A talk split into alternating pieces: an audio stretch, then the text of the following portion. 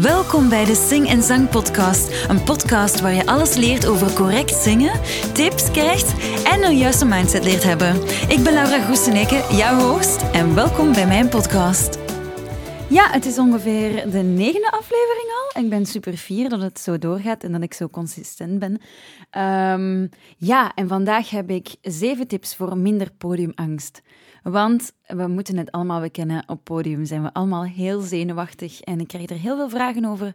Ehm, van hoe ben je daarmee omgegaan? Ik heb op het podium gestaan van het uh, Eurovisie Songfestival in 2018. En dat zijn 200 miljoen kijkers. En in de zaal, ja, dat is toch wel um, een klein sportpaleisje bijeen. Dus dat was wel even kicken, laat het zo stellen. En daarom geef ik jou zeven tips voor minder podiumangst. Hoe dat ik daarmee ben omgegaan. Dus nummertje 1. Kies een nummer dat niet te hoog gegrepen is voor jou. En dat is een heel belangrijke. Um, Bijvoorbeeld, um, ik moest onlangs Great Gig in the Sky zingen van Pink Floyd. Ik weet niet of je dat kent, maar het is een hele, een hele vrijblijvende zanglijn van een ontzettend goede zangeres. En op zich was dat wel haalbaar, maar ik was te laat begonnen met studeren. En daarbovenop was ik nog eens verkouden geworden, waardoor dat ik weer een week minder had om te studeren. Gevolg stress. Um, en het resultaat was wel een, een heel geslaagde soundcheck, want ik had er heel veel zin in. Maar op het moment zelf met die performance was ik zo zenuwachtig, omdat ik dacht, oh, ik heb niet genoeg geoefend en ik voelde stress al in mijn lijf en ik, ik kreeg het niet meer. Het was twee jaar geleden dat ik nog op een podium had gestaan. Ik kreeg het niet meer, ehm, ja, ik kreeg het niet meer weg en dat kwam gewoon puur omdat dat een super moeilijk nummer is. En ja, door de stress bleef alles een beetje op mijn keel zingen. Ik zeg niet dat het afschuwelijk was, maar ja, de soundcheck was gewoon veel beter. Punt. Laten we het daarbij stellen. Het was, het was oké, maar ik wist dat ik beter kon. En dat is heel vervelend. Dat, die, dat je weet van, ha, ik kan tot 95% gaan als ik niet gestresseerd ben. Maar als ik gestresseerd ben, dan blijft er nog maar 75% over. En eigenlijk wil je naar die 110%. Um, ehm, vandaar. Je hoort de fluitketel in de achtergrond. Dat is mijn vriend die, die thee aan het maken is. Maar goed. Um, dus dat nummer dat niet te hoog gegrepen voor je is, dat is, dat is echt belangrijk. Dat je goed voorbereid bent en dat je iets neemt waar dat je zeker van bent van yes, oké, dit kan ik vlotjes zingen zonder dat ik uh, te veel ja, moet uh, nadenken over bepaalde stukken, over bepaalde passages in dat nummer, um, dat het er heel vlot en heel natuurlijk uitkomt. Dan tip nummer twee is, ken het nummer dan ook door en door. Van binnen en van buiten. Echt waar. Van binnen en van buiten. Van achterstevoren naar van voor, het maakt me niet uit. Maar ken het door en door en door. Ik weet, um, ik heb ooit een concert gedaan met um, het Brussels Philharmonic. Ik moest een James Bond cover brengen, Tomorrow Never Dies. En ik had zo goed geoefend, zo goed geoefend. Um, en ik kende het nummer echt door en door. Ik had een maand en een half op dat nummer gewerkt, die hoge noot kunnen halen. Ik was heel, ik was heel op mijn gemak enzovoort. Maar op een bepaald moment tijdens de tweede show begonnen de boksen te kraken en ik was zo van mijn melk dat ik gewoon een stuk van mijn tweede strofe vergeten was. En ik stond daar echt uh, met een blackout. En ik had zo, zo, zo, zoveel angst. Maar ik kende het nummer wel door en door, waardoor ik direct kon inpikken en verder kon gaan. En dat is wat mij toen gered heeft. Oké, ik heb één zin of twee zinnen niet gezongen. En ik keek naar de dirigent. Ja, en dat orkest gaat gewoon door. En ik begon verder te zingen. Die zag dat ik één maat, allez, dat ik één zin achter zat. En die heeft gewoon heel dat orkest omgekeerd. Dat was Dirk Bossé, waanzinnige, um, waanzinnige dirigent trouwens. En um, ja, we zijn gewoon verder gegaan. Maar dat kwam omdat ik dat nummer door en door kende. Als je het nummer niet door en door kent, dan sta je daar. En dan is je broek afgezakt en je hebt geen flauw idee. En, ja, en dat, dan moet je gewoon ergens herpakken. Want mensen vergeten dat op het einde wel. Ehm, dat heb ik geleerd. Heel veel mensen um, die hadden dat bijna niet gehoord. Je moet gewoon vooruit gaan. Zit je er niet op met een noot of zo? Gewoon verder gaan, verder gaan, verder gaan. Ik zeg dat hier in mijn zanglessen, bij me thuis in mijn atelier ook.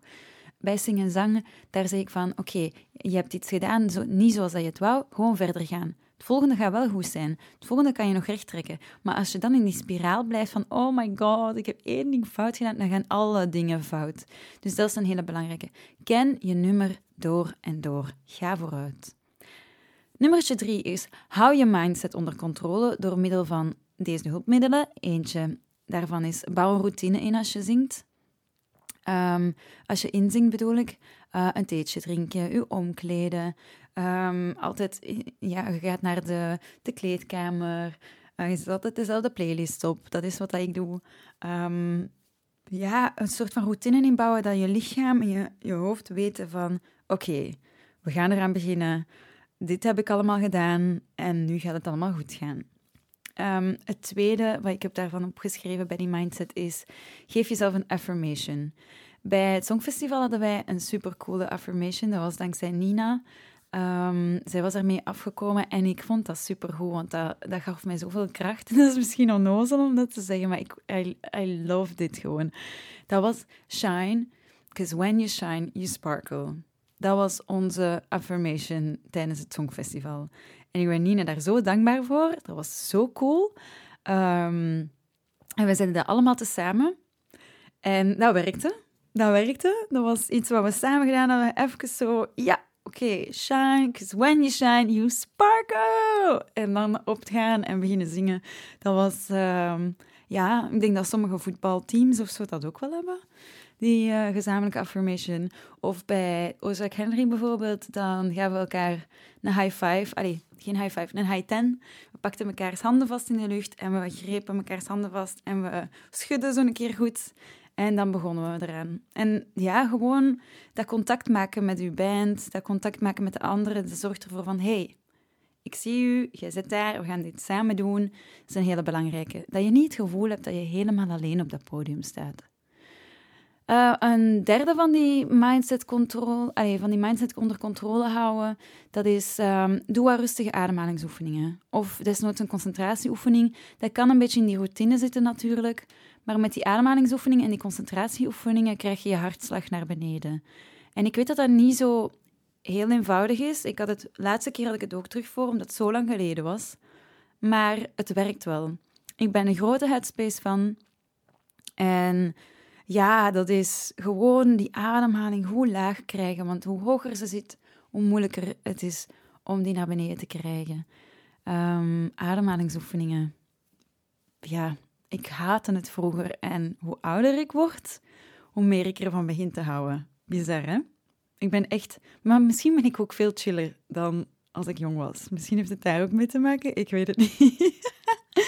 Uh, maar ja, ik, uh, ik zeg het, ik ben een grote headspace van die ademhalingsoefeningen die ik aan mijn uh, leerlingen aan mijn cursisten meegeef. Vind ik zo belangrijk. Um, en het is ook belangrijk dat je ze tof vindt.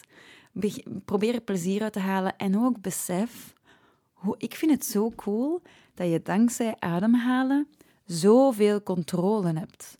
Dat vind ik nu eens echt zo waanzinnig. Dat je door gewoon on, allez, onnozele ademhalingsoefeningen te doen, krijg je dus die hartslag naar beneden. Je bent dus sterker in je hoofd dan dat je denkt. Um, ik vond dat toen ik dat door had, dat was echt voor mij wow. Dat was mijn opening. Nummertje vier van mijn zeven tips, dat is kom op tijd aan op de plaats waar je moet performen. Ook niet te vroeg.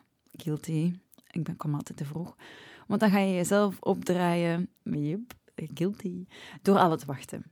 Yes. Dus dat is iets wat ik altijd deed. Ik um, kwam altijd veel te vroeg aan. En dan was ik zo lang aan het wachten en van wachten word je moe. En tegen dat ik op moest, was ik opgedraaid, moe. Um, dus kom op tijd aan op de plaats. Wat ik heel tof vind, misschien is dat mijn controlefreak um, deeltje. Als ik op tour was, kreeg ik altijd een spreadsheet en bijvoorbeeld um, Tom, de geluidsman en tourmanager, die stak daar altijd een fotootje bij. En ik vond dat zo goed. Dan wist ik, oké, het is zo'n zaal, het gaat zo zijn. En ik vond dat super belangrijk. Ik weet niet waarom, maar er was wel wat minder mysterie. Ik wist al, oké, ik ga mijn loge kunnen hebben, ik kan mijn tas daar zetten, mijn laptopje, playlistje aanzetten, mijn theetje drinken, een rijstkoekje eten. Ehm, ja, ik weet niet, dat was zo... Dat, gaf mij rust.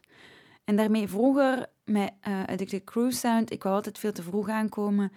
En ja, dan was uw loge nog niet klaar op een festival, want dan zit er nog een andere band in, dan zit je daar te draaien. Niet doen. Te laat aankomen ook niet goed, hè. Gewoon probeer schoon op tijd te zijn en die plaats ontdekken waar je moet performen en probeer die zaal een beetje te voelen, ook tijdens de soundcheck. En ehm, probeer je eigen plekje daar te vinden. Dat vind ik wel een belangrijke. Ja, ja ik, ik ben daar misschien een heel raar in, maar die plaats, dat, ik moet ermee connecteren of zo. Dan, tip nummer vijf. Blijf op een realistische manier jezelf evalueren en schaaf bij waar je denkt dat het nodig is. Really. Ik, um, na elk optreden dat gefilmd werd, of ik vroeg aan mijn vader om het te filmen, bekeek ik dat filmpje 500.000 miljoen keer. Niet normaal. Um, maar ik haalde er wel alle fouten uit. Niet dat ik van mezelf vond van, oh my god, dit was verschrikkelijk, maar ik keek echt heel technisch van, oké, dat had ik beter kunnen doen, dat had ik beter kunnen doen. En daardoor heb ik heel veel bijgeleerd van één bepaald optreden, kon ik heel goed evalueren. En het is zo, hoe vaker je dat, een, dat je een show performt, hoe zelfzekerder en gesmeerder dat die loopt. En dan weet je ook perfect wat er gaat komen, welke songs en bindteksten er zijn en welke dat ook werken. Um, dus je moet ook er rekening mee houden dat bij de première van alles kan mislopen. Die première, dat is de meest gestresseerde, um, de meest gestresseerde performance van allemaal. En daar kan je pas zien van, oké, hier zijn nog groeimogelijkheden in. En um, hoe langer dat je die show gaat spelen, hoe zelfzekerder dat je op dat podium gaat staan. De, want de eerste keren ben je altijd zenuwachtig. Altijd. En um, ja, ik weet nog, uh, we speelden in, in Bozar met een orkest. En mijn orkest is nog moeilijker, want dat orkest is elke keer een beetje anders. Um, en we speelden de eerste keer in Bozar. En oh my god, we waren zo zenuwachtig en de koning ging misschien komen.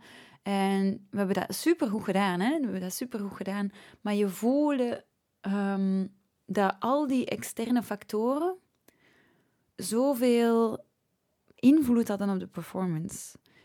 Maar als je die performance door en door kent, dan kan je doorgaan. En, en daarna kun je heel, heel realistisch evalueren van oké, dat was een beetje wankel, dat was een beetje wankel. En dan de volgende repetitie dat je doet, haal je dat gewoon um, aan. Ik nam echt notities. Dat haal je gewoon aan, dat oefen je wat meer. En hop, de volgende keer sta je sterker in je schoenen. Um, dus jezelf echt op een realistische manier evalueren. Um, vaak werd er ook een opname gedaan op de PA, uh, op de geluidstafel. En dan kon ik die eens beluisteren. Um, en ik zeg het, ik, ik beluister mezelf ook niet altijd even graag als ik weet dat een show niet zo goed gedaan, gegaan is. Maar je leert er zoveel uit. Maar realistisch, hè? Realistische manier van evaluatie. Oké, dat komt daardoor, dat komt daardoor. Oké, ja, dat, dat kan beter. Oké, ja, daar heb ik dit gedaan, daar heb ik dit gedaan. Dat is, dat is normaal. Maar die evaluatie, ik heb dat van kinds af aan direct gedaan. Dat soms mensen zeiden, alleen nu heb je dat film al honderd keer gezien. Ik zei, ja, maar ik wil echt alles weten. Ik wil weten hoe, hoe dat ik die hoge noot heb gehaald, waarom ik dat zo deed, niet zo, enzovoort. Dus dat is heel belangrijk. Ik vind dat heel belangrijk. En dat ziet er raar uit voor andere mensen misschien, maar ik wil alles weten en daarop verder werken. En ik denk dat dat mij heel veel bijgebracht heeft als zangeres.